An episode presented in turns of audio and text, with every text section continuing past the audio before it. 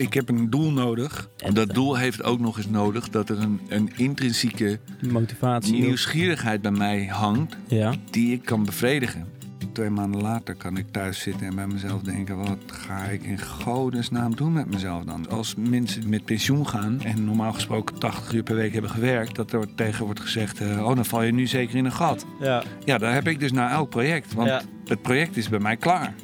Welkom bij Donkere Dagen, de podcast. Waarin ik, Valentijn Stomp, mensen interview en vraag over hun donkere dagen. Hoe zij daar weer positief uitkomen. Ik ben op zoek naar zoveel mogelijk inzichten. Wat mensen doen om dus uit die donkere dagen te komen. En dit keer in de podcast, of nou niet dit keer, de allereerste keer, want dit is de eerste keer dat ik het opneem. Razendspannend.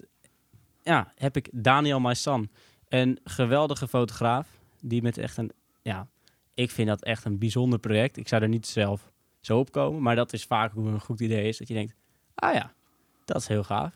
Zeg ik je naam goed? Daniel Maissan? Ja, Daniel Messan. Ja, Daniel Maissan, uh, dat is Frans natuurlijk. ja, Ja, maar is prima. En ik vind, ik vind het net zo razend spannend als jij, man. nice. ja, cool. Ik, ja, even als introductie. Eh, Daniel is, eh, is een fotograaf. Je doet veel voor goede doelen. Eh, of nou, Ja. ja, ja, toch? Ja, voor stichtingen, goede doelen, NGO's. Je bent veel in het buitenland Ja. daarvoor. Ja, nu eh, is dat allemaal, eh, allemaal een stuk anders. Dat, eh, onder, ja, dat, dat, we weten Ja, natuurlijk man, allemaal... ik ben al- in tijden niet zo lang thuis geweest. ja, dat is ongekend. Hè? Ik ben dat ook vorig jaar gewoon, sinds ik geboren ben, is een jaar niet naar het buitenland geweest. Dat is echt... Ja, ik ging ja, altijd wel één keer per jaar in ieder geval de grens over. En nu gewoon helemaal niet. Ja, Dus dat is wel een ding. Op welke plekken kom jij meestal voor je werk? wauw. Ja, dat, ga- dat, ja, dat is van alles. Ik, ik doe soms klussen hier gewoon in Nederland. Ik denk dat de meeste landen wel... ehm, waarin ik voor in opdracht werk, die, die, eh, dat is toch meestal wel de, de, de derde wereld, ontwikkelende wereld, hoe we het tegenwoordig moeten noemen, ik weet het niet precies. Ehm, eh, dus daar, ja, daar zitten de meeste stichtingen en organisaties.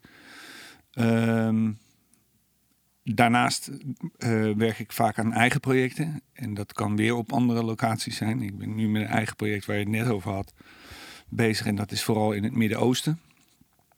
Ehm, Ja, ja, dus het is all over the place. ja, want jij bent aan het lopen. Je bent de Abrahamsroute aan het lopen, toch?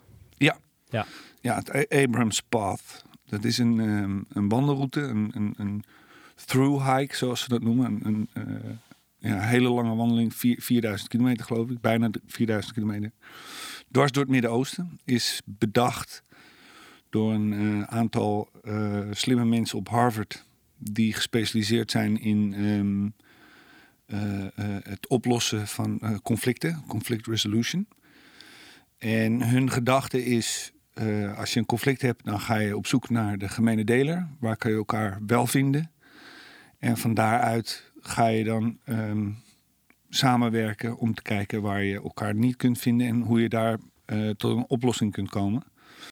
En om die theorie eh, te, te, te testen of, of eh, aan, aan, ehm, ja, te testen, ehm, hebben ze gekeken naar het Midden-Oosten. Een van de grootste conflicten die al forever duren. en kwamen ze erachter dat de grote gemene deler daar, ehm, of je nou cultureel kijkt, of naar het landen kijkt, of eh, naar religie kijkt, eh, was Abraham. Eh, die komt in alle religieuze boeken komt hij voor. Ehm, hij heeft volgens alle verhalen en overleveringen heeft hij de hele regio doorlopen. Dus zij bedachten van als we die route nou weer opnieuw more or less in kaart gaan brengen en we gaan daar ehm, een soort wandelroutes van creëren, dan hebben we enerzijds ehm, mensen die langs die route wonen, die kunnen economisch kunnen ze zichzelf ehm, verder helpen, want ja, als er mensen gaan wandelen, dan moeten er ook slaapplaatsen zijn en Ja. er moeten eet, eetplaatsen zijn, een beetje à la Santiago de Compostela. Ja. En het andere idee was, als die route door al die landen heen loopt, de, de, de route bijvoorbeeld door Israël en Palestina, die ligt er nu echt, die is helemaal uitgewerkt en die kan ook gelopen worden door toeristen en dergelijke. Dan nodigen we mensen uit het Westen uit in het Midden-Oosten. Mensen in het Westen hebben een heel ander beeld van het Midden-Oosten eh, dan dat het wellicht zou kunnen zijn. Dus die kunnen dan daarheen komen, die kunnen die route gaan lopen, brengen geld eh, naar die ondernemers die langs die route zitten. En het allerbelangrijkste, Palestijnse mensen die langs die route zitten en Israëlische mensen die langs die route zitten, zijn beide gezamenlijk verantwoordelijk voor het onderhouden van dat pad. Ja. Dus plotseling heb je mensen die normaal gesproken, communities die normaal gesproken in conflict leven met elkaar, Ja. moeten samenwerken om, Om iets te onderhouden. ja, om iets, iets tot stand te brengen. En Ja. daaruit is dat hele idee ontstaan. En ehm, ja, voor mij was dat, was dat zo'n interessant gegeven. En ook ik had, heb zoveel eh, vooronderstellingen en misschien wel vooroordelen over het Midden-Oosten. Ja. Dat ik dacht, als ik dat nou ga lopen, dan kan ik die in, het, in ieder geval aan onderzoek onderwerpen. Ik kan een stuk van de wereld zien wat ik nog niet zo goed ken. Ehm, en ik kan mooie plaatjes schieten. En, want zijn er veel mensen die die route lopen? Nee, er zijn niet veel mensen. Stukjes wel. Eh, de hele route is, is wel virtueel in beeld gebracht. Maar hele stukken eh, kunnen niet gelopen worden. Ik bedoel, door Syrië kan je op dit moment niet lopen. Nee. En ehm, eh, hele stukken zijn wel in de richting bedacht. Maar, Maar niet. maar niet echt daadwerkelijk gelopen. Dus de, Ja. de, de paadjes die zijn niet duidelijk. Het is niet zoals Santiago de Compostela... Nee. dat daar overal op een Op- boom een, een merkteken staat Ja, geschilderd. dus het is eigenlijk ook gewoon een soort van ontdekkingsreis tegelijkertijd. Ja. Ja. Ja, het is elke keer weer zoeken naar lokale gidsen, herders, mensen mensen die die, de- die dat kunnen doen. Want we hebben ook al die mensen die daar zeg maar, in de buurt van wonen. Als jij dat vertelt van ik, I'm walking the Abraham path. Die hebben geen idee, Die man. hebben geen idee. Nee. Nee. die staan je echt aan te kijken, waar heb je het over? Eh, ah, wat gaaf, hè? In Want- Jordanië, in Jordanië heb je de Jordan Trail. Dus die, Mhm. die- en dat is, dat is dus een onderdeel van dat Abramspad. En dat is een heel bekend pad. Ja. Daar komen mensen vanuit de hele wereld komen dat ook lopen. Jordanië is natuurlijk ook wat veiliger in die zin. En die zijn Ehm, wat meer toerisme gewend. Die, ja. die, die zijn, ja, die Ja. hebben- ja. En datzelfde geldt in, in eh, bijvoorbeeld Israël-Palestina. Daar zijn wij nog niet geweest. Die, die etappe die moeten we nog doen. Maar die route ligt er wel. Die is uitgezet en die is bekend. En er zitten, zoals gezegd, eh, restaurantjes en slaapplaatsen en dergelijke kun je vinden. Maar onze laatste etappe was afgelopen oktober in Zuid-Turkije. Ja, daar keken mensen ons aan van... Wat de fuck kom je doen hier, jongen? En hoezo lopend? Ja, wat, En wat wil je dan? ja, En dan, ja, dan loop je tegen alles aan waar je, waar je tegenaan loopt. Ja. ja, letterlijk en figuurlijk. dat kan ook. We, we hebben ook daar op politiebureaus gezeten. Dat we moesten uit gaan leggen wat we nou eigenlijk aan het doen waren. Ja. Wat, hoe, ver, hoe ver zijn jullie? Want, We hebben nu twee etappes gedaan. Dus dat is ongeveer 700, 800 kilometer. We houden het niet exact bij. Nee. Het is niet zo dat we... We doen het niet om de meters te maken, zeg maar. Nee. En soms moeten we, zoals nu in Zuid-Turkije, moeten we echt wel stukjes afleggen door te liften of een bus te pakken of whatever. Of eh, met iemand mee te rijden in een auto. Ehm, maar we doen zoveel als we kunnen, doen we lopend. Dus we houden dat niet echt exact bij. We hebben nu twee etappes gedaan. Elke etappe is tussen de 3 en de 400 kilometer, mikken we op. Daar zijn Ja. we ongeveer een maand mee bezig. Zo. En we zijn nu het voorbereiden voor de derde etappe. Hopelijk, als het lukt met alle toestanden enzovoort, Ja. ergens half april. Want de ehm, manier waarop jij geld verzamelt... Je hebt, je hebt afgelopen zomer heb jij een, een, eh, chefsdiner gemaakt. Toch? Ja. In samenwerking met een restaurant uit Haarlem. Ja, olifijn. Ja, Olifijn. Om eh, dus geld op te brengen... zodat jullie die etappe konden gaan doen. Ja, kijk, het moeilijke met een autonoom project is... ehm, of je moet een goede baan hebben daarnaast Ja. en, en geld over hebben. En part-time dat kunnen doen. Which has never been the case in my case. Of je moet de loterij winnen, wat ook niet eh, voorhanden is. Speel je mee aan de loterij altijd? Of, eh, Ik eh, ben wel genegen om af en toe een lot, lot te kopen, ja. But it never happened. You never know. Nee. En ehm, een derde optie is fondsen aanvragen. Ja. Dat, dat doen we ook en soms lukt het ook. We hebben eh, Fonds voor Bijzondere Journalistieke Projecten hebben we gekregen voor eh, Turkije, voor de etappe die we het laatst hebben gedaan. En nu voor de volgende etappe hebben we ook weer een fonds binnengekregen via de ehm, eh, Nederlandse Vereniging voor Journalisten. Ja. Maar dat dekt meestal maar een deel. Ja. Dus ik dacht, ja, hoe moet ik dan daarnaast de rest bij elkaar schrapen? Want het is helemaal met fixers die je moet betalen. Is het geen goedkope Ding- exercitie? Het kost gewoon geld. Ja. Ja. Dus ik, ik dacht, ja, het- kijk, het liefst heb je een mecenas. Maar die vinden is altijd lastig. Ja. En toen dacht ik, hoe vet zou het zijn als je een eh, tafel van Abraham kan organiseren. Je maakt gewoon een, een ronde tafel, een beetje à la, wat is het, de ridders van Lancelot of zo. Ja. En eh, je zet daar tien of twaalf mensen aan die eh, relatief gezien wat meer geld te besteden hebben. En dat ook wel over hebben voor gave projecten. En die natuurlijk heel erg betrokken zijn met enerzijds eh, misschien het Midden-Oosten, anderzijds misschien fotografie, bij voorkeur allebei. Ja. Of in het geval, want ik doe dit hele project samen met, eh, met de journaliste Lisa, eh, met journaliek, eh, journalistiek. Dan, dan probeer je zoveel mogelijk mensen om zo'n tafel te krijgen, een man of 10, 12. Mhm. En die, eh, ja, enerzijds hebben die dus een avond met vijf gangen, goed eten en ehm, een lekker wijntje. En vier uur, vijf uur vermaak in de vorm van eh, virtueel meereizen door onze verhalen en eh, door onze foto's. Ja. Die ze uit eerste hand krijgen en ook uit eerste hand vragen kunnen stellen. En anderzijds eh, weten ze dat ze met hun bijdrage om daar aan tafel te zitten De volgende stap. meebetalen aan de volgende Ja. etappe. En dat werkte. De, de eerste etappe hadden we zes mensen aan tafel zitten. Ja, en hopelijk als de restaurants op een gegeven moment weer open gaan, want nu kan dat niet. Nee, nu kan het allemaal Gaan we op een punt komen dat we, ehm, ja, dat we 10, 12 mensen eh, per keer om tafel krijgen. Dan zou de etappe op die manier betaald zijn. Ja, dan zijn Ja, we minder afhankelijk van. Hoef je geen fonds aan te schrijven. Hoef je, ja, dan kan je gewoon... Dan kan- kunnen we ons kan je- daarop Kan je richten. vliegticket boeken en gaan. Ja, dan, Ja. Kunnen we, dan kunnen we ons richten waar we ons op moeten richten. Ja, het is een aardig proces om daar dan... eh, Kijk, het is niet zo simpel als een, als een vakantie boeken, neem ik aan. Eh, Je moet een visa hebben. Waarschijnlijk als je aan, in het land komt en ze vragen wat kom je doen. Ja, we, komen, we gaan een stuk lopen en eh wil je het Abrahamspad lopen? Ja, Mhm. dat kennen ze denk ik niet bij de douane. Nee, dus eh, enerzijds heb je te maken met eh, visa-aanvragen. Anderzijds moet je als journalist of fotograaf...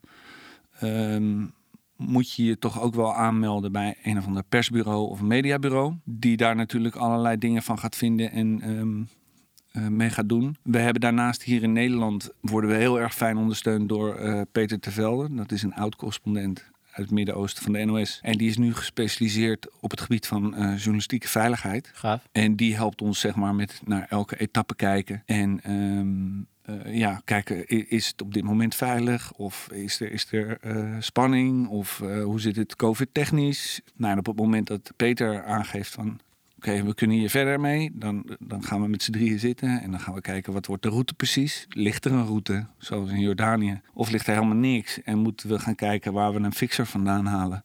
Ja, die in ieder geval de omgeving daar kent. Of die weer mensen kent die ons de e- omgeving... die weer mensen kent. Ja, precies. Ja, ja. En ehm, ja, zo wordt het dan langzaam opgebouwd. Dus dat heeft echt wel eh, wat voeten in de aarde om dat voor te bereiden. Stel je er loopt een fixer mee, loopt hij dan de hele, de hele, tijd met jullie mee? Of iemand aan de telefoon die je kan bellen van hé, hey, we hebben dit. Nee, nee dat, is wel, ja, dat is iemand die in principe me- mee moet lopen. Ja, En helemaal in, eh, we, zijn nu bijvoorbeeld de derde etappe aan het voorbereiden in, ehm, in Irak. Ja, daar, daar zijn stukken waarvan bekend is dat er mijnen liggen. ja. Ja, dat het is helemaal niet erg als je weet waar ze liggen. Ja, ik wil het zeggen, je moet dan wel Ja, weten dus waar dan ze liggen. moet je wel een fixer hebben. ehm, Die weet waar ze liggen. die weet waar ze liggen. Of die weet waar die een ehm, lokale herder kan vinden. Die weet. Die daar dag in, dag uit, week in, week uit, Ja. maand in, maand uit met zijn eh, schapen loopt. En die weet van, eh, nou, als we van deze plaats naar deze plaats lopen, dan moeten we via die en die route. Want dan zijn we oké. Wat gaaf. Dus ja, dat heeft wel, ja, het heeft wat, wat voeten in de aarde. Ja. Ja, wat een project, hé. Ehm, donkere dagen. Want je hebt Hmm. natuurlijk... Ja, corona kwam. ja, bij mij viel alles stil. De agenda komt in één keer gewoon Was leeg. stil te liggen. Ja. Volledig, helemaal leeg. Ik heb heel af en toe dat ik een extra, ehm, extra klusje kan doen in de makelaarswereld. Dat ik een huis kan fotograferen. Ja. ja, dat ging gewoon door. Dat ging door, maar dat is, eh, ik werk niet voor, voor vijf of zes. Ik werk er voor één. Ja, ehm, voor mijn stiefmoeder Ja. ook nog. ja. En dat is hartstikke fijn, want dat brengt eh, wat, eh, wat, wat werk met zich Dat mee. brengt de huur binnen. Maar dat, Of nou, niet eens dat. niet eens. Weet je, dat is, dat- ja, soms, Ja. soms is dat even fijn, maar ja, verder viel alles stil. Zo. Een vriend van mij, Sander, Ja. eh, eh, en ik wa- waren, zouden eigenlijk twee weken geloof ik nadat de eerste lockdown maart vorig jaar viel, hadden zouden wij vertrekken. We hadden een megaproject, eh zeven landen in drie eh, continenten eh, bezoeken en filmen en fotograferen en alles. En ja, twee weken voor vertrek kreeg ik door, gaat niet gebeuren jongens. Ja. In ieder geval nu niet. Wat in het vat zit verzuurt niet en zeker, gelukkig in dit geval zeker niet. En daar hebben we heel veel zin in, maar het Wanneer? Het kan niet. Ja. het kan niet. En het grote verschil bijvoorbeeld met het project waar we, waar we het net over hadden, met mijn eigen project, is dat op het moment dat je voor een stichting of een organisatie of een NGO werkt, dan krijg je te maken met eh, verantwoordelijkheid. eh, Verzekeringen, Ja. ehm, ehm, wie, wie staat waar garant voor, et cetera, et cetera. Dus daar wordt heel terecht Ja, van gezegd: veel meer bij kijken. Bij dit, dit, gaat even nu niet door. Nee. Eh, Zo'n project als wat wij zelf doen, wat ik samen met Lisa doe, dat is een autonoom project. Dus wij Ja. zijn oktober vorig jaar, midden in het feit dat alle grenzen dicht waren en dergelijke, hebben wij gezegd, ja, eh, jongens, prima, maar wij gaan ons project gewoon doen. Ja. Weet je, we, we, we mogen vliegen, Turkije laat ons toe, dus we gaan. De, dus dat was heel spannend, want in een periode dat ik eigenlijk überhaupt geen werk had, ging ik ook Ga nog ook een- nog eens een- ja, ging ook nog een week weg, of een maand weg. Ja. Ja. Ja. Ja. Want ja, dus dan agenda in één klap leeg. Ja. Heb je dat eerder meegemaakt? Dat, dat je gewoon... Nou ja, je, je, je had natuurlijk mij uitgenodigd voor deze podcast. Dus ik had er even over nagedacht. Ja, ik, ja in mijn geval, ja, ik maak dat wel vaker mee. Ja, Maar nog niet zo op zo'n schaal. drastisch en zo lang. En met zoveel impact. En ook zo, eh, helemaal nu met die avondklok en zo, zo opgesloten. Ja, echt hoe zeg Ja. dat? Chained, eh, chained Ja. to the bed haast. Ja, dus de laatste paar maanden komen de muren wel echt op me af. Ja. Ja. Mijn werk, ja, het was niet gecanceld, want mijn werk komt altijd op de miraculeuze wijze, komt het een week of twee van tevoren, word ik Mm. gebeld van, hey, trouwens, heb jij dan en dan nog eh, tijd om eh, te filmen? Of we moeten een productie doen, dat is die dag, kan jij? Dus ja, ik hoorde iedereen die zei, ja, al mijn werk is gecanceld. Toen dacht ik, ja, en ik word niet gebeld. ik, ik weet het ook niet. Maar heb je, ik, althans mijn filosofie met het werk krijgen altijd, ik heb er gewoon een vertrouwen in dat het goed komt. Dat Ja. ik, ik heb niet, ik heb dan nu toevallig wat, wat projecten staan eh, volgende maand en de maand daarop. Dat is dan twee keer één dag. Nou, dat is niet genoeg. Mm. Maar ik weet wel, ik heb altijd wel het gevoel van oké, er gaat in ieder geval werk komen. Misschien is het een week of twee is wat rustig. En dan heb ik een week daarna, dan, is het, dan zit het vol en dan heb ik zat werk. Hoe voelde dat bij jou? Als jij in één keer alles kwijt bent, denk je dan nog wel, het gaat goed komen? Nou ja, voor mij was de Tozo een godsgeschenk. Mhm. Ik begrijp dat voor de meeste ondernemers en voor de meeste zelfstandigen is het een doekje voor het bloeden. Het geluk wat ik heb is dat ik door het werk wat ik al, al 10, 15 jaar doe, heb ik ergens onderweg de afslag gemaakt van nou weet je, ik heb niet zoveel nodig. Ja. Als ik maar mijn ding kan doen. Dus de Tozo was voor mij genoeg om te leven. Ja. Eh, ik had eigenlijk, eh, goede vrienden van mij zeiden dat ook aan het begin, van eh, dude, weet Ja. je, your, your long time wish is there. Je hebt een basisinkomen. En eh, daar, daar heb ik het al, Ja. net zo lang als Rutger Bregman heb ik het daarover, dat dat er zou moeten zijn voor, voor, crea- in ieder, voor creatieven, maar voor, Gewoon nou ja, voor- eigenlijk iedereen. Haast iedereen toch? Ja. een basisinkomen zou in, in mijn ogen een heel mooi principe kunnen zijn. Pest is alleen dat ik nooit had bedacht dat ik een basisinkomen zou kunnen krijgen en vervolgens er niks mee kon doen. Ja, niks Want mee kan doen. kan geen kant op. Ja, wat ga je doen? Eten bestellen? Ja, dat is na... na Ja, dat was niet mijn idee bij het hebben van een basisinkomen. Dus maar die, de zorg voor, voor inkomen in ieder geval, die, die, die was er dus niet zozeer bij mij. nee. En eh, ik heb in die zin wel een beetje hetzelfde als jou. Ik heb ook altijd wel het gevoel van er komt wel wat op mijn pad. En Ja. dat wat ik nodig heb, dat, dat, ja, dat komt ergens. Komt dat? En weet je, het komt voor je gevoel altijd een week te laat. Maar Ja, op de een of andere manier komt het altijd precies op tijd. Het is er altijd toch wel. Ja. Ja. Eh, dus dat vertrouwen heb ik wel. Ja, bij mij gaat het altijd met, met hele hoge pieken en hele diepe dalen. Zo. Ja, Ja. dus het echt het, het extreme van het... Ja, ik kan echt zo- zo'n etappe lopen en denken, I'm on top of the world. Ik ben mijn eigen project aan het doen. Ehm, eh, we, we hebben de tafel van Abraham georganiseerd. Het is allemaal gelukt. Ja, Ehm, ik ben voor het eerst zo'n project aan doen. En terwijl ik het aan doen ben, omdat ik geen inkomsten heb, want het is een vrij project, heb ik toch nog inkomen, want ik krijg gewoon de tozo. ja. Dus het voelde voor mij van I'm on top of the world. Eh, maar ja, de, twee maanden later kan ik thuis zitten en bij mezelf denken: wat ga ik in godesnaam doen met mezelf dan? ja. want Dat, dat heb ik ook van het, het ene moment dan... eh, ja, ben je veel te druk om na te denken haast. Mm. Of dan denk je van ja, het gaat echt fantastisch. Er zijn leuke projecten. Ja, ik probeer me er niet door te laten leiden, zeg maar. Van zeg maar money equals happiness. Maar op een bepaalde manier beïnvloedt het je wel. Want als je de huur moet betalen voor, voor, de, voor je kantoor, je hebt dingen die je moet afbetalen. En die dingen komen, het geld komt te laat binnen of er komt helemaal niks binnen. Ja, dus dan eh, dan komt, er, komt er zoveel stress dat je denkt van ja, hoe, hoe ga ik het nou allemaal betalen? Ja, dat verlamt. Ja, dat verlamt. En na een tijdje, het, kijk, het komt altijd goed. Want op de een of andere manier, ja, je kan het altijd wel eh, magisch, eh, nou niet magisch, maar er is altijd wel een manier om het op te lossen, zeg maar. Maar het, gaat dan niet op de manier dat je, dat je het van tevoren had bedacht. Je denkt gewoon, ik ga werken, ik doe een aantal klussen en dan komt er geld binnen en daar kan ik alles mee betalen. En met dat geld kan ik ook de dingen doen die ik leuk vind. Ja.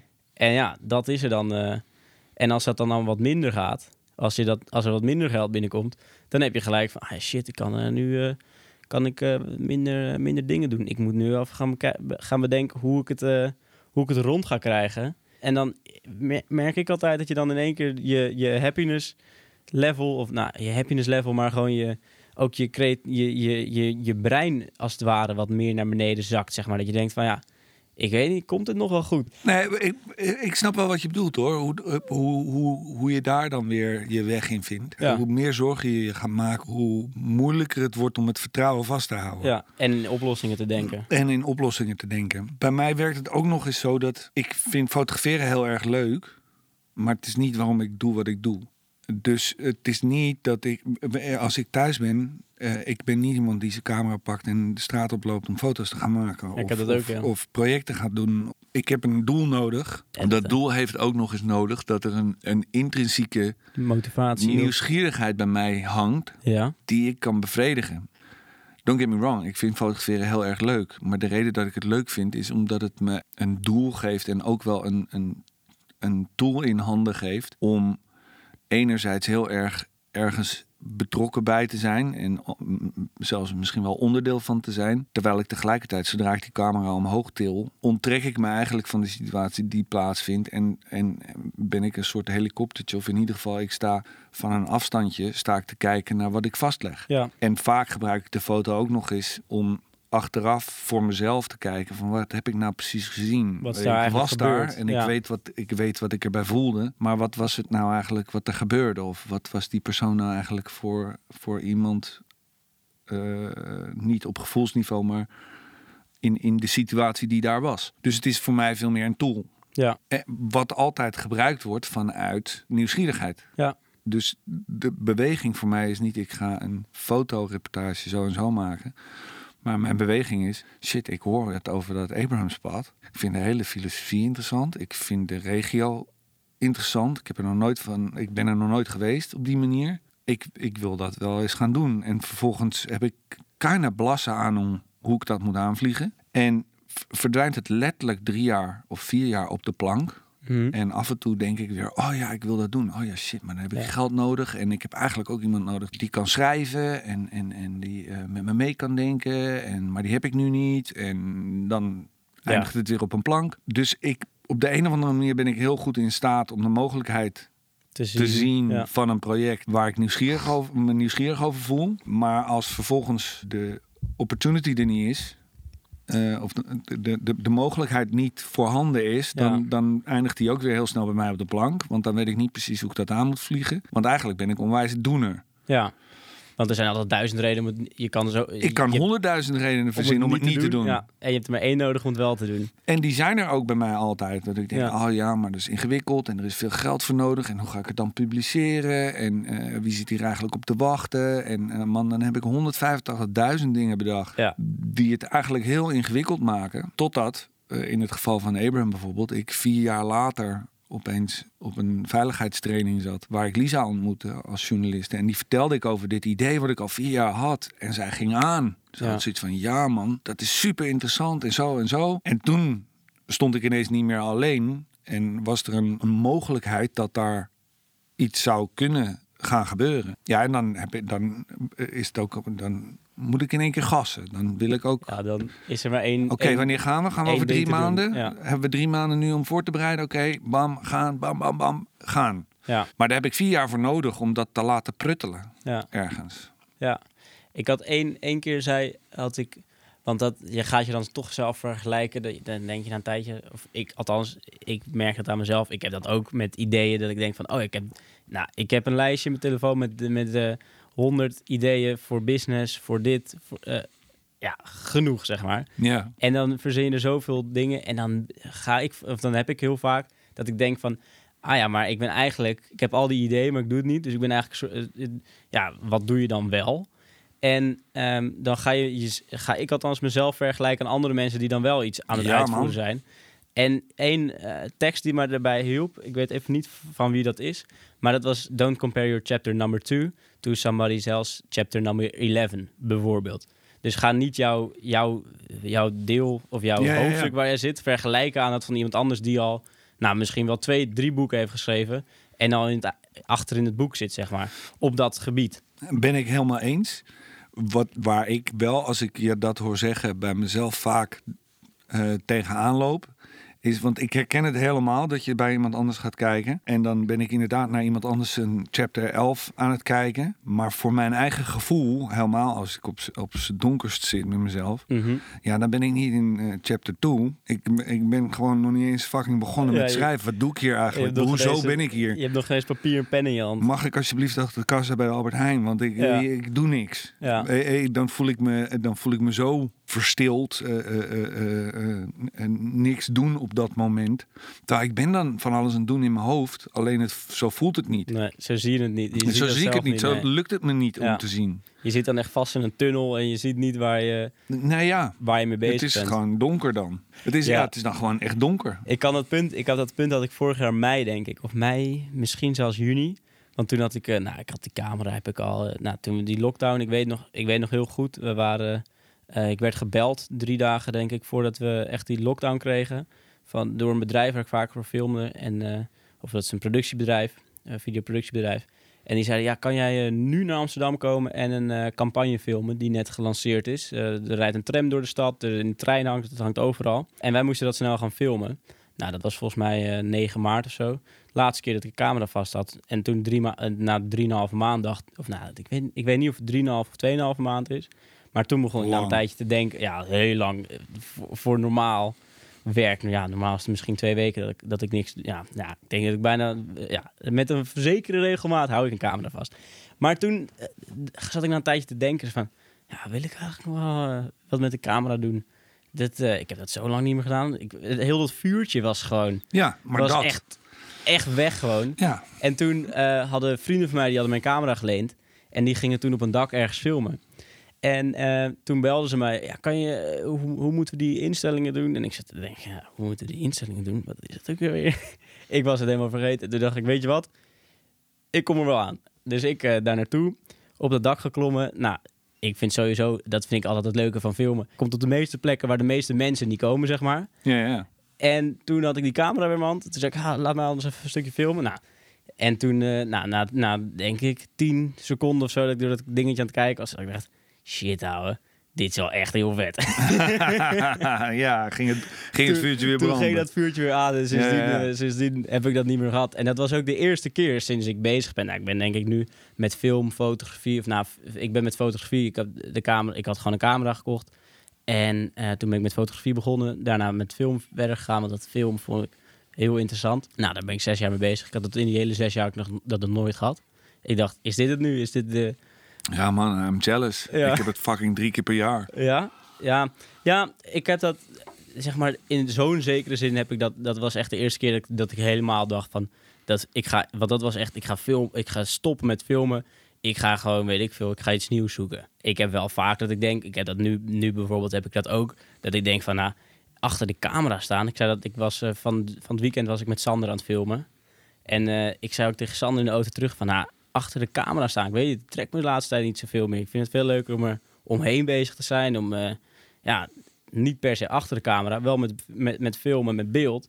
Maar ja, ik weet niet of ik achter de camera wil staan. En dat is iets waar ik nu heel erg mee bezig ben. Van ja, wat, Wat is de rest dan? wat zou dat dan inhouden, zeg maar? Wat zou dat... eh, w- Ja, ja. Welke positie is dat? Dus dat ben ik nu aan het onderzoeken. Nou, niet aan het onderzoeken. Ik ben gewoon aan het nadenken. Van, ja, waar zou dat dan passen? Maar dus dat, ik ben dus nu heel erg op zoek van waar is dat? Waar, waar, ga, je, waar ga je naartoe? Dat is dan ook dat ik denk van ja, maar... En dan sta ik waarschijnlijk weer over een maand achter de camera en denk ik... Nee, dit is toch echt wel leuk. maar heb je, wat jij zegt dus wel, je hebt dat een paar keer per jaar. Dat jij... Ja, ik heb dat wel een paar keer per jaar, ja. Kijk, als je klussen hebt... Klussen vind ik eh, in principe heel lekker, want dat maakt dat ik niet onwijs hoef na te denken. Als de, Nee. als de klus er is, dan sta ik ochtends op. Ja. Ik pak mijn spullen, ik zorg dat alles goed in de tas zit, dat alles goed opgeladen is, eh, dat ik eh, prepared ben, dat ik ehm, eh, mijn briefing heb en dan kan ik de klus doen. Mezelf goed kennende ben ik dan ook nog eens vrij pragmatisch in de zin dat ik heb die klus, weet ik veel, ik noem maar wat, dinsdag. Ja. En ehm, ze hebben, ik noem maar een dwarsstraat, 25 beelden nodig of 30 beelden nodig. Ja, die wil ik dan eigenlijk woensdagavond afgeleverd hebben. Dus eh, als ik de klus op dinsdag heb, dan probeer ik die woensdag ook vrij te plannen. Zodat ik al mijn edit en, en al mijn uitzoeken en eh, opslaan en versturen en regelen kan doen. Dat je er gewoon klaar mee bent. Want dan is vrijdag klaar, of eh, don, eh, woensdag klaar. Ja, dag daarna. En dan is de klus af. Ja. En daarna heb ik weer ruimte. Ja. En ik hou van de rust die die ruimte me geeft. Tegelijkertijd geeft die ruimte en die rust... geeft de mogelijkheid om 's ochtends op te staan en te denken... wat ga ik nou doen met mijn dag? ja, die ken ik. Hoe ga ik dit eigenlijk invullen nu? En het is dus heerlijk als er twee of drie of vier klussen staan op een, in een week. Ja. Eh, Ja, maar ja, ik ben ja. dus ook iemand die, als, als ik voor woensdag heb gepland, eh, die foto's moeten geëdit worden. En ik zit s'avonds om negen uur eh, en ik moet er nog eh 15. Ja, nou ja, dan wordt het twee uur of drie. Maar die edit moet af. Want Ja. het, moet uit mijn, het moet uit mijn hoofd. Ik vind de klus leuk om te doen, maar ik wil er ook weer vanaf. Want dan heb ik weer ruimte Ja, voor, heb je nieuw, weer ruimte in je hoofd. voor nieuwe dingen. Ja. En de volgende dag denk ik, oh shit, maar er is niks nieuws. Wat ga ik nu doen dan? Ja. En dan ontstaan er dus allerlei ideeën. Of ik eh, Ja. heb weer gehoord van iemand anders. Of een idee van drie jaar wat op de plank ligt, komt weer langs. Komt weer in en één keer in je ik gedachten denk, voorbij. oh shit, wat ben ik eigenlijk een niks, niks nut dat ik daar nog steeds niks mee heb gedaan. Nou, en als dat te lang door, doorgaat, dan, dan, ja, dan ga ik wel weer eventjes eh, de, de, de donkerte in, zoals jij, dat, Ja. eh, zoals jij dat noemt. Nou, en dat gebeurt wel een paar keer per jaar, ja. Ja, ik ken dat wel. Dat zeg maar als je een klus hebt gehad, ja, helemaal leuk. Je hebt de klus gedaan. Ik heb nu ook een, eh, een eh, montage heb ik liggen, die was ik net even aan het doen. En dan eh, bijvoorbeeld dat ritme. Normaal heb je wel een ritme, merk ik aan mezelf. Ik heb het nu, nu ben ik het hele ritme weer kwijt. Omdat je gewoon, je hebt niet genoeg werk op. Ik heb nu genoeg werk, genoeg draaidagen. Mm, En als ik dan iets van kantoor, zeg maar, ik noem dat dan kantoorwerk, monteren. mhm. Als ik dan moet gaan monteren, ja, dan eh, kom ik eh 9 uur, eh 9 uur. Nou, ik word nu al iets vroeger wakker, maar vaak kom ik 9 uur mijn bed uit. Dan rond 11 uur ben ik misschien in de, op de studio. En dan ga ik editen en dan om 5 uur denk ik, nou, het is, het is mooi, zeg maar. Maar als ik moet filmen, nou, dan word ik sowieso een, een kwartier voor mijn wekker wakker. We gaan weer. Ja, ja, ja. we, we mogen weer van stal, zeg maar. Zo voelt het dan. Maar als je dan moet monteren, dan daar heb ik altijd veel minder zin in. Dus dat is ook iets waar, waar ik in, in de toekomst eh, vaker iemand anders voor wil, eh, wat wil laten doen. Want ik geloof erin, als jij iemand laat doen wat hij echt leuk vindt, dan komt daar sowieso een beter resultaat uit. Ik, Mhm. Mijn kracht ligt gewoon echt op andere plekken. Ik heb dan bijvoorbeeld zo'n montage en dan denk ik, oké, dan ga ik dan doe ik, eh, even denken, we hebben dat vorige week dinsdag, of ja, vorige week dinsdag is dat gefilmd. Nou, dan ga ik een beetje editen. Prima, dat doe ik even dan. Of dat doe ik bijvoorbeeld de, de, wo- de woensdag de, de- van de week erop en dan de donderdag ga ik editen. Nou, en dan die rest van de dagen heb ik gewoon een lege agenda. Maar dat, wat jij nu zegt, ik kan, dat kan ik niet, man. Nee? Nee, ik kan dus niet denken, volgende week ga ik dat doen. Voor die tijd, volgende week dat ik dat ga doen, zijn er lege... Nee, dan, dan, als daar lege dagen zijn, dan plan ik ze... Sterker die- nog, ik, ik vind het zelfs ingewikkeld om er iets tussen te plannen. Ja, echt? Weet je, Oh, tenzij het werk is. Je hebt het net over ritme. Ik probeer, ik probeer heel erg ritme in mijn, eh, in mijn leven te brengen. Want daar voel ik me lekker bij. Ja, Ehm, eh, dus eh, in, in, en dat is dan meer in de vorm van eh, wandelen of in de vorm van 's ochtends op tijd mijn nest uit eh, en s'avonds niet te laat erin. Alhoewel dat af en toe ook eh, dit bij inschiet. eh, erbij inschiet. Maar in, in principe is dat, dat het ritme. Maar werktechnisch is alles bij mij een project. ja, Alles is een project wat, wat, wat eh, eigenlijk. Nou ja, als ik aan het project begin, ik, ik ben dan niet al met het eind bezig, maar ik ben met het project begonnen. Dus eh, ja, dat is dan wat ik aan het doen ben. En daar mag ik mee stoppen als het afgesloten is. Ja, En tot die tijd zit al mijn energie. Daarom ben ik ook heel blij dat het Abramspad bijvoorbeeld, dat we dat hebben opgedeeld in tien etappes. Want ik kan elke etappe kan ik eh, als afzonderlijk ding eh, beschouwen. En, en ja, ik heb dus ook. eh, Lisa, Lisa die werkt anders. Wat ik ook begrijp, hè, die moet, die moet verwoorden wat ze die maand heeft gedaan. Dat, dat moet door je lijf ingaan, daar moet je over nadenken. Dat, dat moet broeden. Hè? Dat, Ja. dat is waarom ik geen schrijver ben. Ik heb, dat, dat is ook waarom ik bijvoorbeeld in, met, met video veel meer moeite zou hebben dan bijvoorbeeld jij of Sander. Want video impliceert dat er een, een, ehm, een draaiboek is en er is een storyline. En dat is wat ik zo heerlijk vind aan fotografie. Fotografie is een 125ste van een seconde. Man, bam, het is Ja. gebeurd. ja, Dat was hem. En dat is het project. Dus ik ben niet na aan het denken over wat is het verhaal wat ik ga vertellen. Nee, het verhaal gebeurt voor mijn ogen. En dat ik- leg je en, vast. En dat leg ik vast in Ja. het moment. En dat moment is voor mij dus ook heilig. Maar het project is dus voor mij ook een moment. Alles is een moment. Ja. Alles heeft, heeft een heel duidelijke kop en een staart. En ik kan niet met de kop beginnen en dan tussendoor even een dag vrij zijn of even een weekje zus. Of, eh, en dan nog steeds die staart in mijn hoofd hebben. Want dan heb, ik, dan heb ik een week lang of twee weken lang een staart in mijn hoofd van iets waar ik niet mee bezig ben. Ja. Ja, dat, daar word ik heel onrustig van. ja. Maar dat levert dus, ja, als die staart wel afgerond is, dan ben je dus hetzelfde als, als mensen die een jaar op reis zijn geweest, maar, of, of die eh, met pensioen gaan eh, eh, en normaal gesproken 80 uur per week hebben gewerkt, dat er tegen wordt gezegd, eh, oh, dan val je nu zeker in een gat. ja. Ja, daar heb ik dus na elk project, want Ja. het project is bij mij klaar. Het is afgesloten, staart, boem, leeg.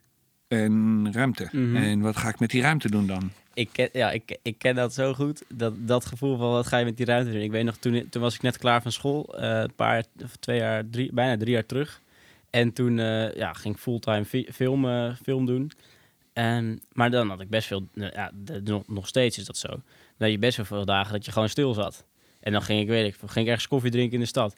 Dan keek ik om me heen, zag ik zoveel gepensioneerden. Dat ik dacht, nou, ik ben eigenlijk een soort van met pensioen. Hoe, hoe, hoe, wat moet ik met mijn tijd? Ik heb best wel veel ja, zeg maar, omdat je freelance doet, ja, dat werk betaalt eh, ja, gewoon een goed. eh, ja, dat betaalt zodoende dat je een paar klussen per maand te doen en je kan de rekeningen betalen. Dus wat doe je met die tijd die, eh, die je over hebt? Ja, dan ga je ideeën bedenken en dan, dan ga ik daarover nadenken, ga ik daar, ben ik daarmee bezig. En dan eh, is ook werken. is ook, ja, maar dat, dat, ja, dat, Dat, is, de grote werk. valkuil om te denken, ik ben nu niks... de- Ik heb precies hetzelfde, maar Ja. dat is de grote valkuil om te denken, ik ben nu niks aan het doen, want ik ben een beetje aan Ik- het nadenken over een volgend projectje. Ja, Maar dat is your job. Ja, dat, ja, maar dat is het. En dat, ik, ben, ik begin dat nu steeds meer te at peace mee te zijn, zeg maar. Dat dat juist hetgene is waar, waar jouw waarde zit. Waar jij voor, uiteindelijk voor betaald wordt. Dat stukje, dat is wat, waarom mensen naar jou toe komen om een project te doen. Ze kunnen ook naar iemand anders. Maar ze willen, blijkbaar willen ze jou. Zeg maar, de, mensen betalen jou eigenlijk om stil te zitten. Een soort van. Zo zie ik het af en toe.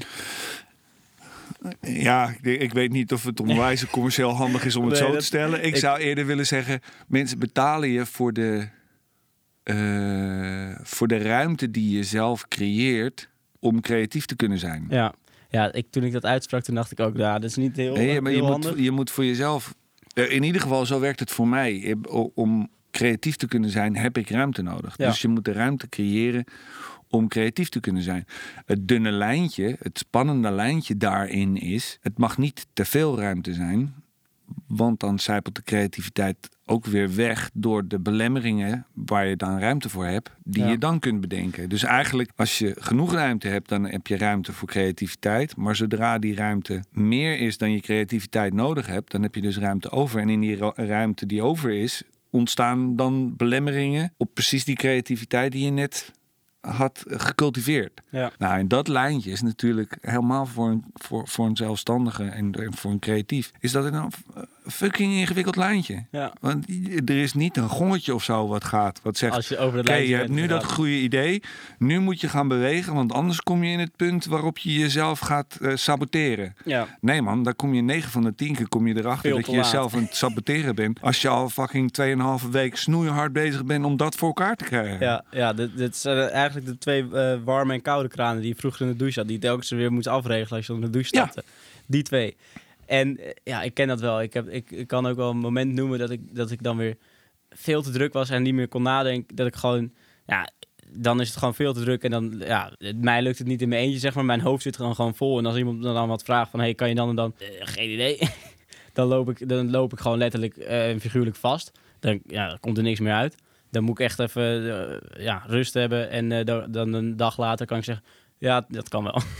dus ook als je bijvoorbeeld in mijn WhatsApp, er staan 30 gesprekken over van dingen die mensen aan mij vragen. Van, kan, kan je dit, eh, wanneer kan je dat? Ik zeg ook altijd, als je, als je echt iets wil, moet je me opbellen. Want dan, Mm. dan, is er, dan, zijn, dan is de verbinding in mijn hoofd er en dan kan ik er echt even over nadenken. Maar als je mij een appje stuurt van, hey, zou je even naar dit en dit kunnen kijken? Heeft geen haast, maar ehm, komt wel. Ja, dan komt dat onder op de stapel te liggen. Want we hadden het natuurlijk over die, de warme en de koude kraan zeg maar, van Mhm. je, je, je ruimte en je creativiteit. En dan eh, ben ik twee, twee weken echt snoeidruk. En dan zit je heel... Ja, dan kan ik echt niet meer nadenken. En dan een paar dagen later is, dat, is het weer rustig. En dan denk je, oh ja, ik heb alle tijd. Ik kan nu eh, dit gaan doen. En dan is het ook, ja, dan, dan begint ook weer die zelfsabotage. Dan ga, Ja. je, dan ga je aan jezelf, eh, dan denk je, nou ja, dat komt wel. Dat, ik heb wel, eh, oké, ik heb dit idee. Bijvoorbeeld, echt om het een beetje makkelijk te maken. Bijvoorbeeld het idee podcast.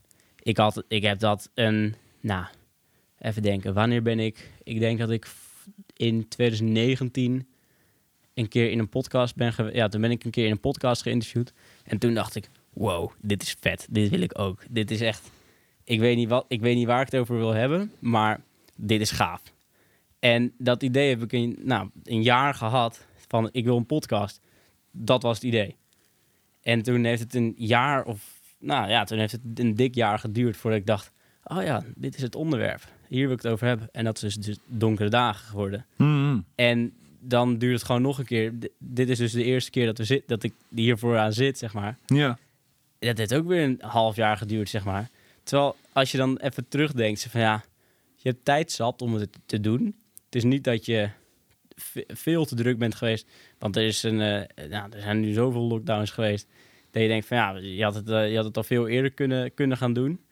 Maar dan toch duurt dat gewoon altijd best wel lang voordat er eenmaal zo'n project op tafel of En waar- waarom duurt dat bij jou dan zo lang? nou, ik zou me, ja, ben ik, in een zekere zin ben ik perfectionistisch. Want als ik het doe, Hmm. wil ik het goed doen. Dat is een beetje mijn motto. En dat is, dat, dat is mijn motto, maar dat lever ik niet altijd op, vind ik. En ehm, ja, ik wil, dan, ik wil het ook dan, ja, ik wil het goed doen. Dus dan wil je niet gelijk die eerste kans die je hebt, wil je niet gelijk verspillen. Dus dan, je wilt het, dat is een beetje heilig, weet je. Het is gewoon, eh, eh, je wilt die podcastmaagdelijkheid, wil je niet zomaar, ja, je wilt niet te makkelijk dat gaan doen. Dus dan had ik heel lang het idee van, oké, ik wil een paar keer een podcast doen. En ik had al bijvoorbeeld langer het idee dat ik jou in de podcast wou hebben. En toen dacht ik, nou, maar eh, Daniel, die wil ik dan wel, een- of de, daar wil ik wel een keer in een podcast hebben als ik wat gevorderd ben, zeg maar. Als ik Mhm. even wat, want de eerste is nooit wat je denkt dat het gaat zijn, zeg maar. Je moet Zeker. altijd, zeg maar, net als de eerste pannenkoek. Je- Of je moet de pan, je, je moet de pan heel goed warm maken, wil de Mhm. eerste pannenkoek lukken. Of ehm, je hebt gewoon de eerste pannenkoek die mislukt is. Dus dat, ja, en daar, zeg maar, dat stukje van de eer, het, het, het is oké dat de eerste niet lukt. Dat is, Mhm. dat is het, het, het, het grote ding waar ik dan nu een beetje overheen ben gestapt. Of dat je er comfortabel mee bent, of dat je er oké mee bent.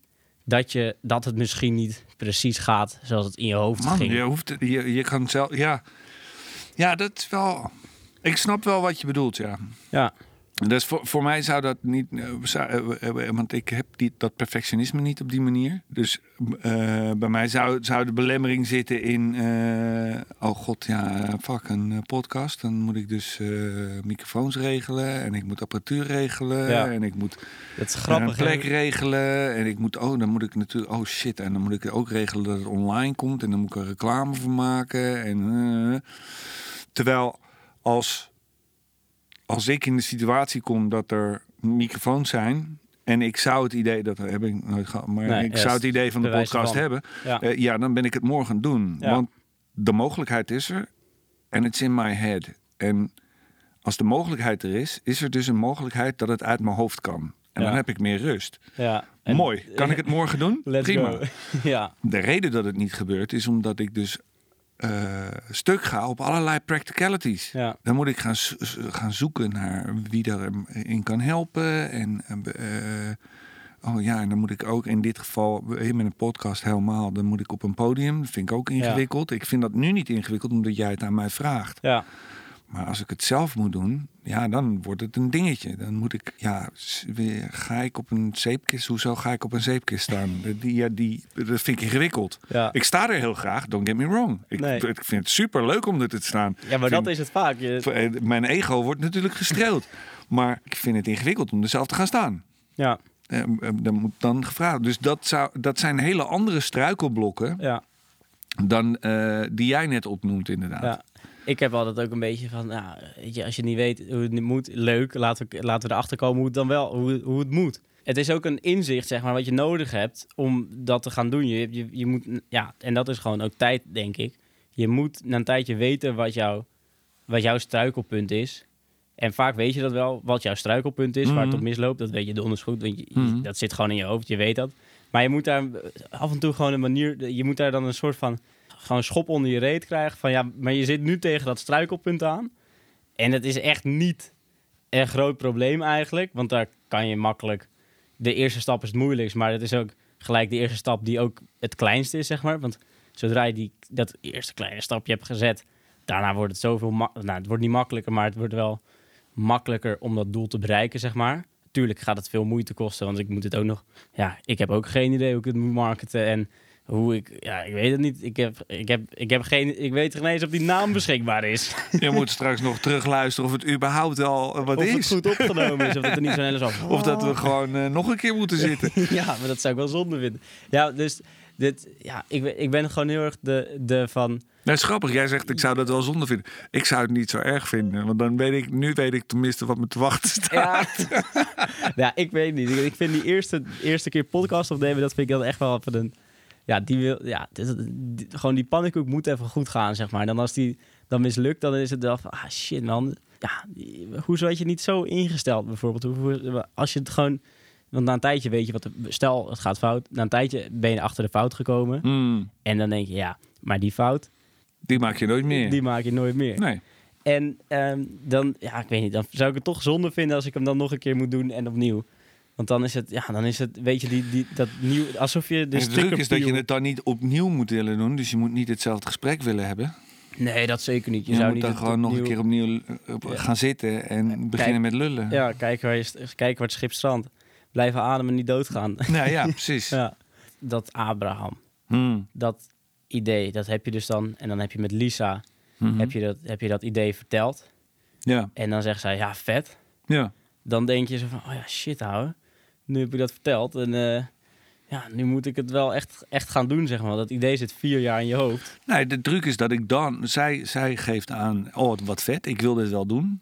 Vanuit haar achtergrond ook, eh, als journalist. De- dus dan wordt het voor mij opeens heel makkelijk om aan haar te vragen... hoe zou jij het zien? Ja, En doordat zij dan vertelt hoe zij het ziet... kan ik bij mezelf voelen... oh, zo zie ik het helemaal niet. Of oh, zo zie ik het ook. Eh, dus opeens is er dan een, ja, een soort... soort een muurtje waar het balletje vanaf stuitert. in plaats van tegenaan. In, in plaats van tegenaan. Eh, dus dan ontstaat er, weet je wat mensen vaak zeggen, van dan kan je pingpongen. En Ja. dan kan Eh, dus dan ontstaat er dynamiek. Ja, maar is dat niet, want dat, dat, als je het eenmaal hebt uitgesproken van ik ga dat doen, ja, dat vind ik altijd wel spannend. Van, Oh ja, nee man, ik heb het al honderd keer dan uitgesproken. ja? Ja, maar ik heb niet, ik vind het niet. eh, er is vaak genoeg in mijn leven tegen mij gezegd van, dude, jij hebt altijd duizend ideeën, maar er komt er nooit eentje uit. Ja, die, eh, die ken ik. Tegelijkertijd is het wel zo dat er ook regelmatig tegen mij is gezegd. Eh, nadat dat gezegd werd, maar als er dan vervolgens eentje uitkomt, dan, is, het wel gelijk weer een die, eh, idee, fucking ja. insane project waarvan iedereen bij zichzelf denkt: hoe dan? Ja, Ja, nou zo dus. Dus door er drie, vier jaar mee te klootviolen in je hoofd, of, of, of, of niet te weten hoe die valt, of Heer, er, er zit nu ook weer een, een idee in mijn hoofd dat er al drie jaar zat. wat is dat idee? Ja, dat ga ik niet vertellen. Er is nog een gisten, dus dat Ja. moet ik nog laten gisten. Ja, Maar wel dat er opeens ik heb het er dan wel af en toe met hier en daar met mensen over. Waarmee ik dan eventjes kan sparren van Ja. eh, wat vind je van het idee? En eh, die dan zeggen, oh ja, tof. Nou, dan valt het stil. En dan opeens uit, de, uit het niks komt er een week of een maand of een half jaar. eh, later komt er een linkje naar een blog die iemand is tegengekomen die denkt, hé, hey, jij vertelde me toen dat idee. Daar heeft dit mee te maken. Ja. En dan lees ik die blog en dan denk ik, dat is de invalshoek. Zo moest, zo moest die vallen. Weet je, het idee was er al drie jaar en het idee was goed. Maar ik wist nog niet hoe ik hem vorm moest geven... of hoe ik hem fotografisch moest insteken... of hoe ik dat voor mezelf ja. Als rond, afgerond project kon gaan zien... waar ik, als ik er dan aan zou beginnen, ook wist dat ik ermee zou eindigen. Ja. Zo heb ik er ook wel eentje, ja. Dat, dat je dan, je hebt een idee en je bent, eh, ik ben met, eh, samen met een vriend van mij, zijn wij een, eh, een documentaire aan het maken. En ja, we zijn dat gewoon, ja, het is ontstaan. We gingen, de vriend van mij, dat is Raoul, Raoul Michel, daar deel, daar deel ik dus de, de, de, ja, waar wij nu zijn, de studioruimte mee. En eh, wij hebben, of ik heb er bij hem gefilmd toen hij zijn eh, EP ging opnemen. En eh, dat was gewoon in de studio, ergens in Tilburg. En toen hebben we daar een beetje een, documenta- een mini-documentaire van gemaakt. En toen kwam het idee om één song, dat, dat was een heel persoonlijk lied, zeg maar. Dat was echt over zijn jeugd. En dat, hij een hele turbulente jeugd gehad. En toen kwam het idee van, oké, zullen we anders ook gewoon eventjes een klein deel, een mini-docu maken over het idee van dat nummer en waar dat, hoe dat is ontstaan, zeg maar. Nou, daar zijn we toen aan begonnen. Ik ging toen twee weken daarna zou ik op vakantie gaan naar Spanje. En toen hadden we bedacht van oké, ja, weet je wat, dan en dan draaien we. Gaan we bij die, eh, gaan we, we zouden bij wat familie langs gaan. En dan eh, draaien we dat en dan editen we het in twee, drie dagen. En dan staat het online voordat ik op vakantie ben.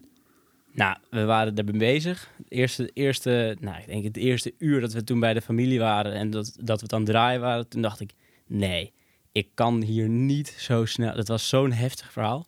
Ik kan hier nu niet eventjes in één, twee dagen dit draaien en hier zo snel overheen gaan. Het is gewoon niet, ja, dat, dat, dat Voelt niet goed. kan je niet maken. Dat is gewoon echt, nou, ik weet niet, dat voelt gewoon niet goed. Dat is gewoon, ja, ik zou zeggen haast onbeschoft of eh, iemand in, in zijn gezicht spugen haast, zeg maar. Mm. En nou, dat is nu een project geworden. Dat is ongekend. dat, is een, dat, is, ja, dat gaat een hele documentaire worden. We hebben inmiddels subsidie gekregen van een, eh, van een, eh, van een goed doel of van een, eh, van een stichting. En het was heel lang van, ah shit, nu hebben we dus subsidie, of nu hebben we geld gekregen van een, van een stichting. En wat, we hebben nog steeds niet echt nou concreet voor ons hoe dat, hoe dat gaat vormen. En dan opeens, laatst zat ik in een, in een in, in Clubhouse. En daar vertelde, vertelde iemand over zijn documentaire die hij had.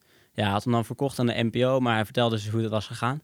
Toen dacht ik, ja, maar het is helemaal niet zo moeilijk. En dat wordt dan zo'n gedurende de weg wordt zo'n project waar je niet echt per se de eindstreep van ziet, zeg maar. Maar je bent maar bezig en de weg kronkelt en de weg kronkelt en je weet niet waar, waar het einde is. En na een tijdje dan krijg je in één keer dat je denkt van, oh ja, daar moeten we naartoe. Of dat, dat, dat is de richting, zeg maar, daar is de, dat is het. Dan Mhm. komt echt zo'n, Ja, dan valt hij opeens. dan valt hij opeens. En dat is echt zo'n ding dat je denkt van, dat, ja, ik weet niet, ik vind dat zo'n raar en magisch dingetje dat je dan denkt van ineens van, ja, maar het is eigenlijk best wel simpel. Ik had het vroeger ook met wiskunde bijvoorbeeld, dat snapte ik geen, echt geen zak van. En dan als ik het een keer snapte, dan dacht ik, jezus, wat is het makkelijk. Ja, ja, ja, precies. Maar dat is, dat is altijd zo lastig om dan in zo'n project, heb- wat doe jij in, in zo'n situatie, zeg maar, als je zo'n project hebt? Of als je zo'n idee het, hebt. het grappige is dat wat jij nu beschrijft, ik snap heel goed wat je beschrijft.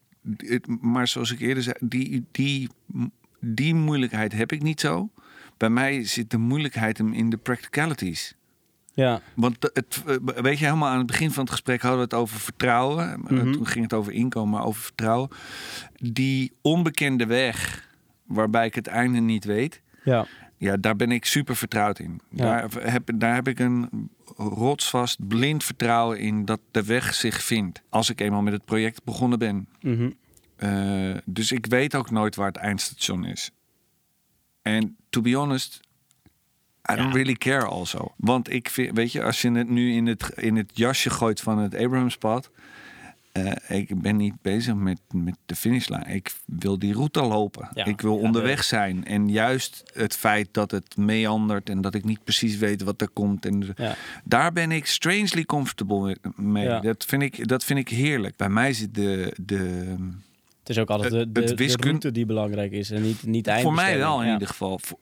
De, de, het wiskundeprobleem zoals jij het net voorlegt, dat zit hem bij mij in de practicalities. Ja. Dus bij mij vroeger, eh, als ik de wiskunde eh, een voorbeeld van jou eh, mag lenen, Zeker. bij mij was het, was, was het probleem dan, eh, ja shit, ik weet hoe ik hem zou moeten oplossen. Eh, maar eh, en daar heb ik wel een eh geodriehoek voor nodig en een passer en die heb ik niet. Waar, Nee. va- waar de fuck ga ik die vandaan halen? Oh shit, die heeft, die, oh, die heeft hij. Ja, maar dan moet ik dus aan hem gaan vragen of ik die mag lenen. En wat zou die dan van mij vinden? Want eigenlijk vindt hij dan stom dat ik hem niet heb. Of Ja. vindt hij het stom dat ik hem nog niet heb opgelost? Of wat vindt hij ervan als ik dat Ja. aan hem vraag? Of is hij heel bezitterig over zijn... Nou, en daar maak ik dan een fucking grote toestand van.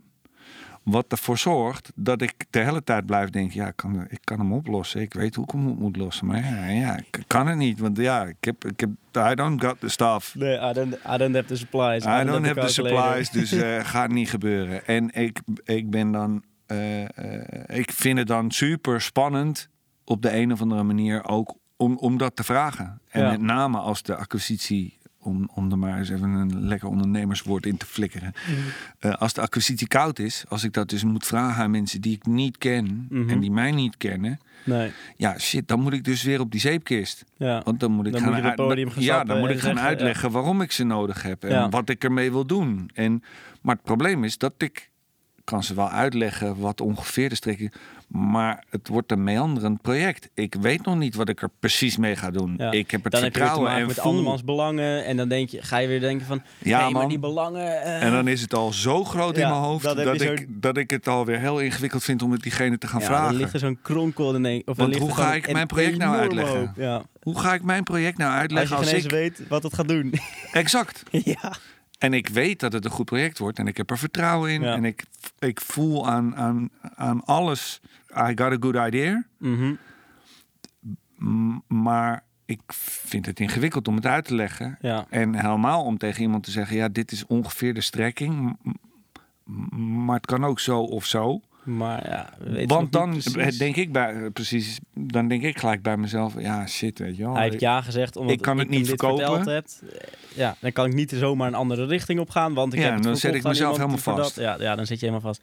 Ja, ik heb dat ook vaak, of ik merk dat, ik merk dat aan mezelf ook. En ik ben ook steeds meer gaan denken zo van, als iedereen gewoon doet wat hij of zij echt helemaal het einde vindt en niet zich niet druk maakt om of je wel genoeg geld of niet verdient.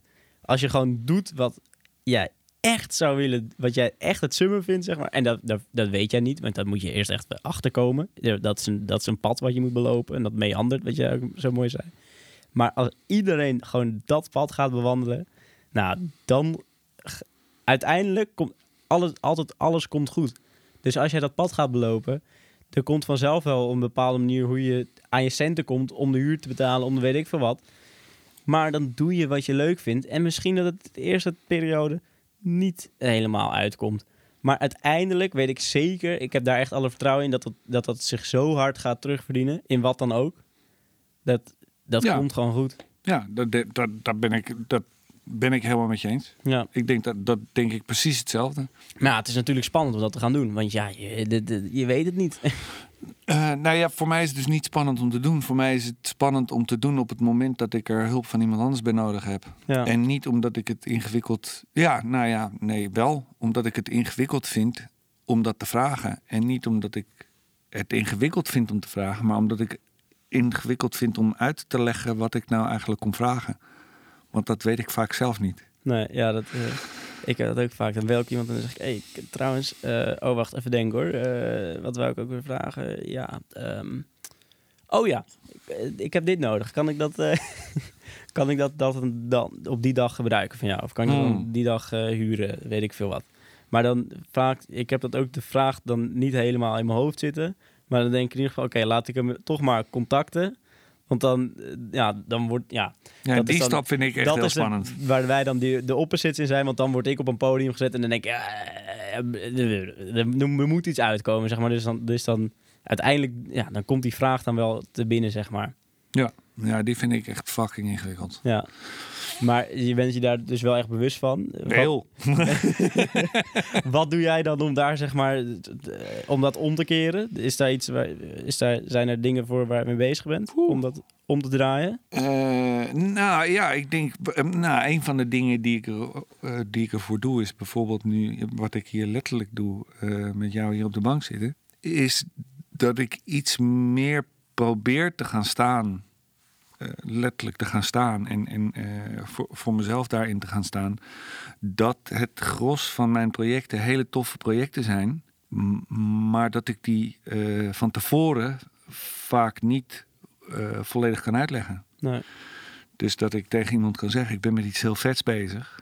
En ik denk dat het heel vet gaat worden. Ik heb er het vertrouwen in dat het heel vet gaat worden. Maar hoe het precies zijn werk gaat vinden, dat weet ik nog niet. Ja, dus eigenlijk, ik, ik, ik, ik dacht, ik ga er een zoekvraag van maken. Dus eigenlijk ben je gewoon op zoek naar mensen die echt het blinde vertrouwen hebben in Daan.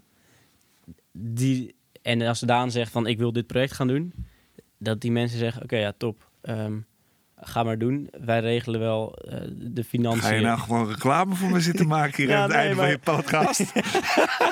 Ja, dus als jij eh, Cool, een zak met geld hebt... Ja, man. Wilt, eh, doe het. Je wilt Daan sponsoren? Nee, maar bijvoorbeeld, zeg maar, dat zijn dan... eh, want ja, hoe, ja hoe, hoe leg ik dit uit? Hey, ik vond dat je het prima deed. Ga verder.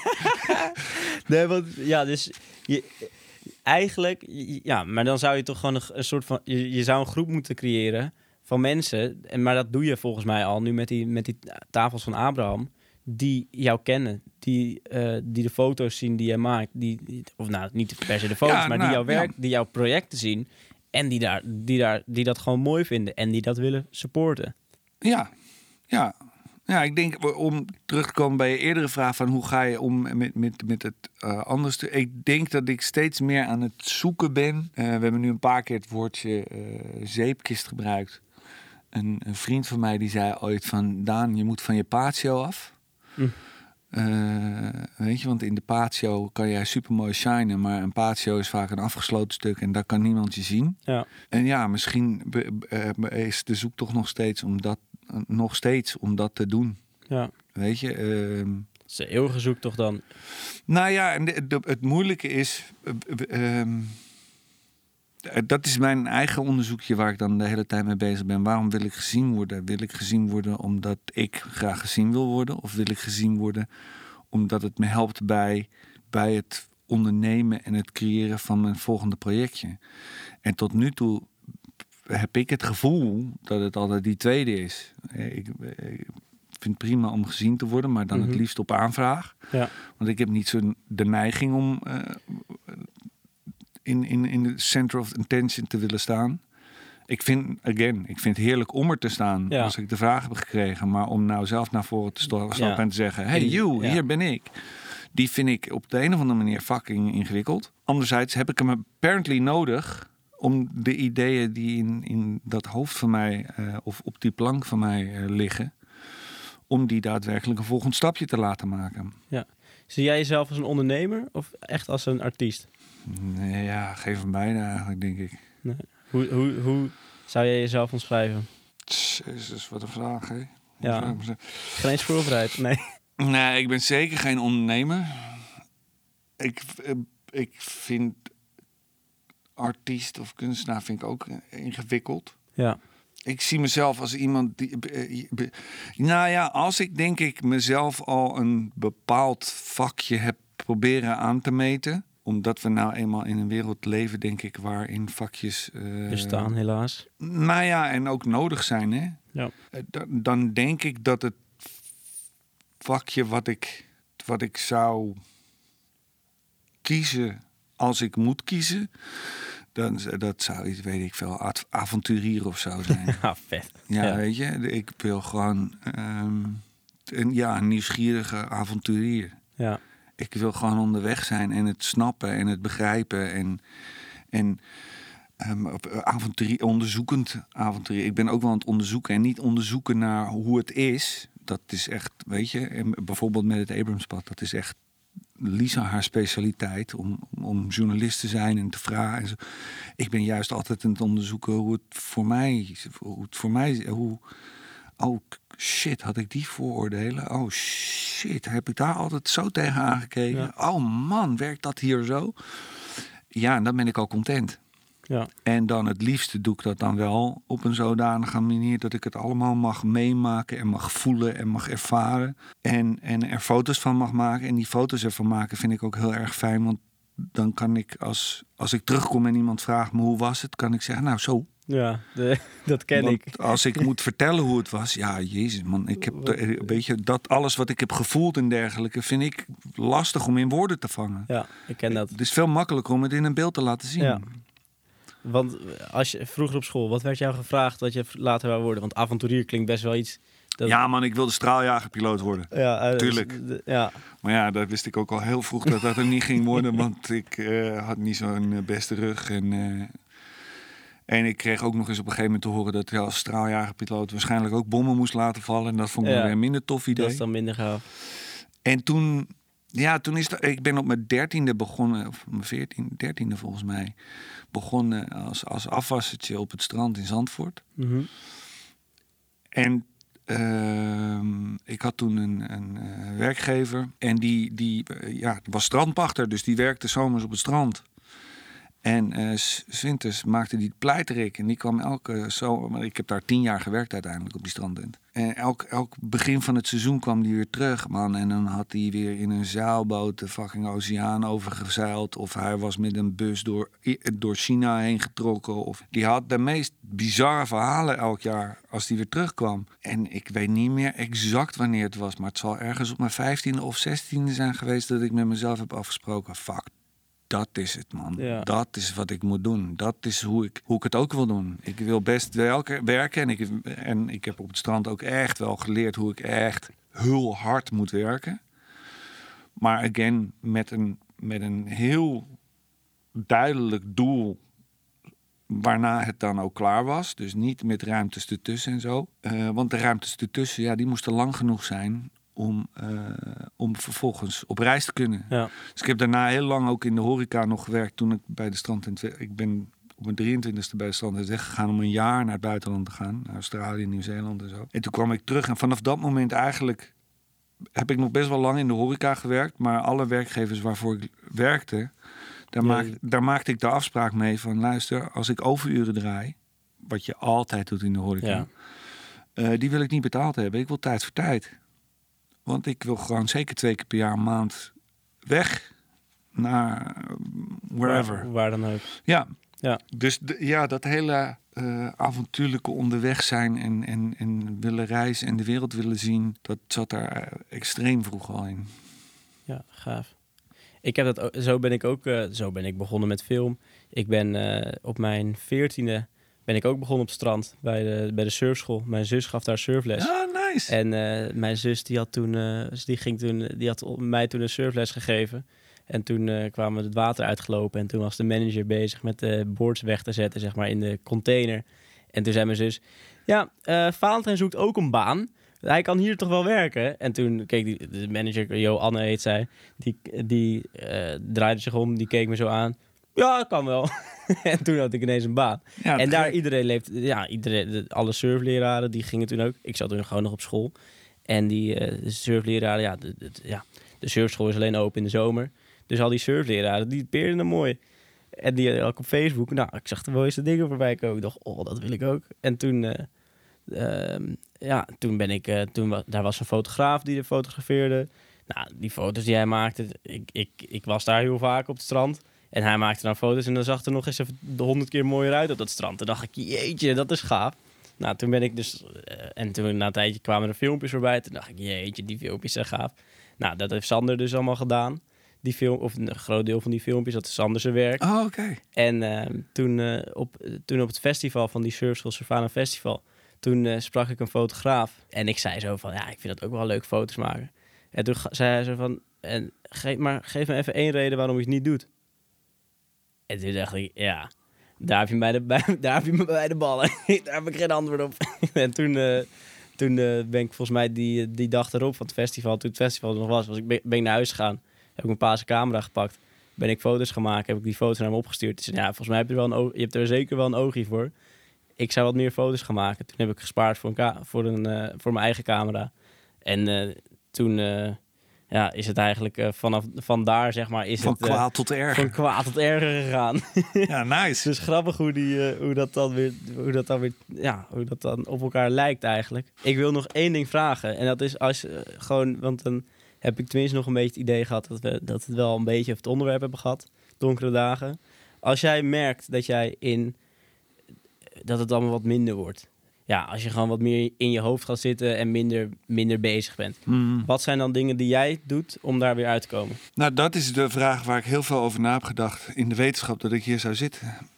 Eh, en het interessante is dat ik er net toevallig ook uit aan het klimmen ben. Ja, Dat het vorige maand, eh, eigenlijk de afgelopen maanden, best wel donker was. En dat ik me realiseerde dat ik denk dat de manier waarop ik er uitkruip is... Ik maak het zo zwart als ik kan. Ja, Ja, man. Ik ga echt tot op de bodem. Ik, Wow. ik word echt.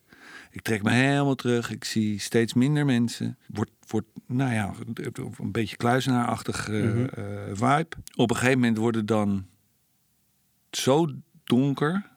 Het is een beetje te vergelijken met de woestijn. Hè? Als, je, als je in de woestijn s'nachts bent, dan heb je een sterrenhemel vol met sterren. ja, De, eh, soms moet het gewoon zo donker worden eh, om, om ergens weer een puntje licht te zien. Ja. En ik denk dat dat in mijn geval, want ja, dan ben ik echt niet te genieten, man. Ook niet voor de mensen om me heen. Eh, wordt het heel ingewikkeld. En die kunnen zich dan ook echt zorgen maken. Ja, ik denk dat dat is wat ik dan doe. Dan maak ik het heel donker voor mezelf. En op een gegeven moment is het zo donker en komen de muren zo op me af. Ja, dus dan trek je echt om het een beetje echt om het voor me te zien, zeg maar. Je, gaat, je blijft gewoon veel binnen. Ja, veel binnen. Ik, en als ik het eh, op een gegeven moment niet aan kan. Ik ben echt. eh, eh, ik heb een extreem makkelijke manier om van mezelf weg te lopen. Dus op het moment dat het te donker wordt en ik kan het, ik trek het even niet. Wat regelmatig gebeurt, dan, dan ehm, ga ik tv kijken. in, in de vorm van series, bingen. Ja. Maar echt. En like, oh, ik heb tien dagen, man, zeven seizoenen, bam, er doorheen. Ben gewoon, en- en ook overal. Ja. Dus dan heb ik een iPad en, eh, en eh, jongen, als ik moet kakken, dan gaat hij mee naar de play. Als ik onder de douche sta, dan staat hij op de wasmachine. Ik kijk overal waar ik kan, krijg ik dan Ja. een serie om maar met mijn hoofd niet ergens anders heen te hoeven. Maar ja, op een gegeven moment, dat is het donkerste punt, dan komt het op het punt dat dat ook niet meer werkt. En dan weet ik, oké, I've, I've hit the bottom. Ja, I've hit rock bottom. En eh, dat is het moment dat ik dan in één keer... En daar heb ik gelukkig wel in... in en als ik steeds donkerder ga, is, is het vertrouwen dat die plek komt. Want die ken ik goed. Op het moment dat ik die grond raak, dat is dan het moment... Dan ga ik ehm, in één keer fucking goed voor mezelf zorgen. Dus dan ga ik, eh, ga ik wandelen. Ik ga gezond eten.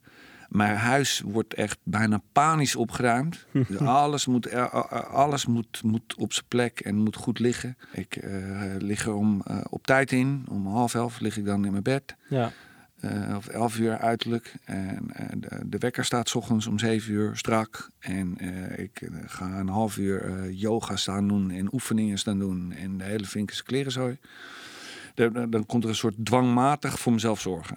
ja, Dat is het moment dat ik weet, oh, we, we, hit, we hit the bottom. Uh, this is my point of light. ja. Uh, En daarvoor kan je gewoon, dan weet je gewoon, ik, ik moet helemaal naar beneden gaan voordat, het, voordat je weer Ja. omhoog kan. Want dat zei je nou ja, dat weet ik niet. Dat ik, die extreme. ik ben daar deze week door na te denken daarover, omdat ik wist dat ik het met jou over moest gaan hebben, dacht ik, wat doe, wat, hoe doe ik dat eigenlijk? Ja, En waarom? Want ik weet wel dat ik het. Dat is ook wat ik van vrienden weet en van, van mijn eigen vriendin. Eh, vooral van mijn eigen vriendin, want die heeft er het meest mee te Mhm. maken. Eh, ja, ik kan dan best wel donker gaan. Ik Ja. kan dan best wel eh, zwart gaan. En, en dan vind ik de wereld echt niet tof. En de mensen die erin leven vind ik ook niet tof. En de manier hoe mensen met elkaar omgaan vind ik niet tof. Dus dan ga, ja, dan ga ik er diep in. ja. Ja, dan sluit je dus helemaal af. En Ja. dan Ja, ik heb dat ook. Ik heb ook zo'n hekel aan mensen die 30 rijden, waar je 50 mag bijvoorbeeld. Nee, ik wou dat er even uitgooien. Tegen waar, wat, waar komt die vandaan? ja, nee. ja, dat is gewoon. Ik heb echt een scheiding aan. Oh, ik word zo gek als mensen dat doen. Nee, maar dat merk ik wel. eh, Ik, dat, dat- maar nou, trouwens, dat, is niet helemaal, dat komt niet helemaal random aanzetten. Maar ik merk wel, als ik bijvoorbeeld me aan dat soort dingen ga ergeren, echt aan, aan andere mensen, dan merk ik wel van, oké, wacht, volgens mij moet ik nu even calm the fuck down. En eh, dan, dat is voor mij altijd wel een, een, een, signaalpunt, zeg maar, of dat er een lichtje gaat branden van, hé, hey, volgens mij gaat er nu iets, kan er Ah, ja, iets dat- staan, te, staan te gaan gebeuren. Oh ja, nee, het is bij mij niet het punt dat ik me aan mensen ga ergeren hoor. Nee. Het is op het moment dat ik me aan mensen ga ergeren en ik weet dat ik er niet meer mee om kan gaan. Ja. Want als ik niet in het donker zit, dan kan ik me ook heel erg ergeren aan mensen. Ja. maar dan kan je, Dat is niet dan kan je het van je afsluiten. Maar dan of- kan ik er prima mee dealen. lang af, van je af laten glijden. Ja. Dan kan ik er prima mee dealen. ja, gaaf. Ja. Ik heb nog zoveel dingen zeg maar, in mijn hoofd zitten van... Ja, laten- Vraag door, jongen, want je kan alles editen, hè? Ja, ik kan alles editen, maar ik heb eigenlijk geen zin om... te- Ja, ik heb, ik, er zullen wel wat Trust me, edits gedaan hierin worden. moet je sowieso Er gaan gaat, editen. er gaat sowieso in geëdit worden. Maar ik heb niet zin om dingen eruit te gaan knippen en te zeggen van... Oké, ik wil dit wel vertellen, ik wil dit niet vertellen. Want wij hebben dit gewoon... We hebben dit nu Mm. opgenomen. Dit is een, Nou, dan doe je Joe Rogan. Dat is een, ja, maar dat, dat ja, ja, zo lang weet ik niet. maar maar ik, ja, ik, ik vind het niet leuk om, ik, ja, ik vind het gewoon geen eer aan doen om nu erin te gaan knippen en dingen eruit te gaan Mm. halen. Zo van nee, dit, dit wil ik niet vertellen, dit wil ik wel vertellen, want dit is, dit is, nou, de podcast duurt gewoon, nou, we zijn nu anderhalf uur bezig. Dat is gewoon, we hebben een gesprek van anderhalf uur. En wat Mm. daarin verteld wordt, dat wil ik vertellen of dat wil ik met mensen delen. En ehm, ik ga niet, nee, ik wil niet Ja, doe wat je moet doen, jongen. eruit knippen. Want dat, eh dat, your dat experiment. vind ik niet leuk. Dus ik denk dat wij aan het einde gekomen zijn. Maar er zitten nog heel veel dingen in mijn hoofd. Dus wie weet eh, bel ik jou nog een keer op van... Hey Daan, wil, jij, eh, wil je nog een keer in de podcast komen? En dat zal ongetwijfeld ook wel gebeuren. Dan ga ik nu heel smooth, zeg maar zo, naar de overgang naar ehm, ja, de outro. En dan ga ik mensen om te vragen om de podcast. Ja, ik heb geen idee. Dit is de eerste. ik, dat, Ik vind dat je het top doet, gozer. nou, mooi. Ik ga wel één ding ga ik goed jatten. Dat is van de podcast van Day One. Daarin spreken zij een codewoord af. Aan het einde van de podcast.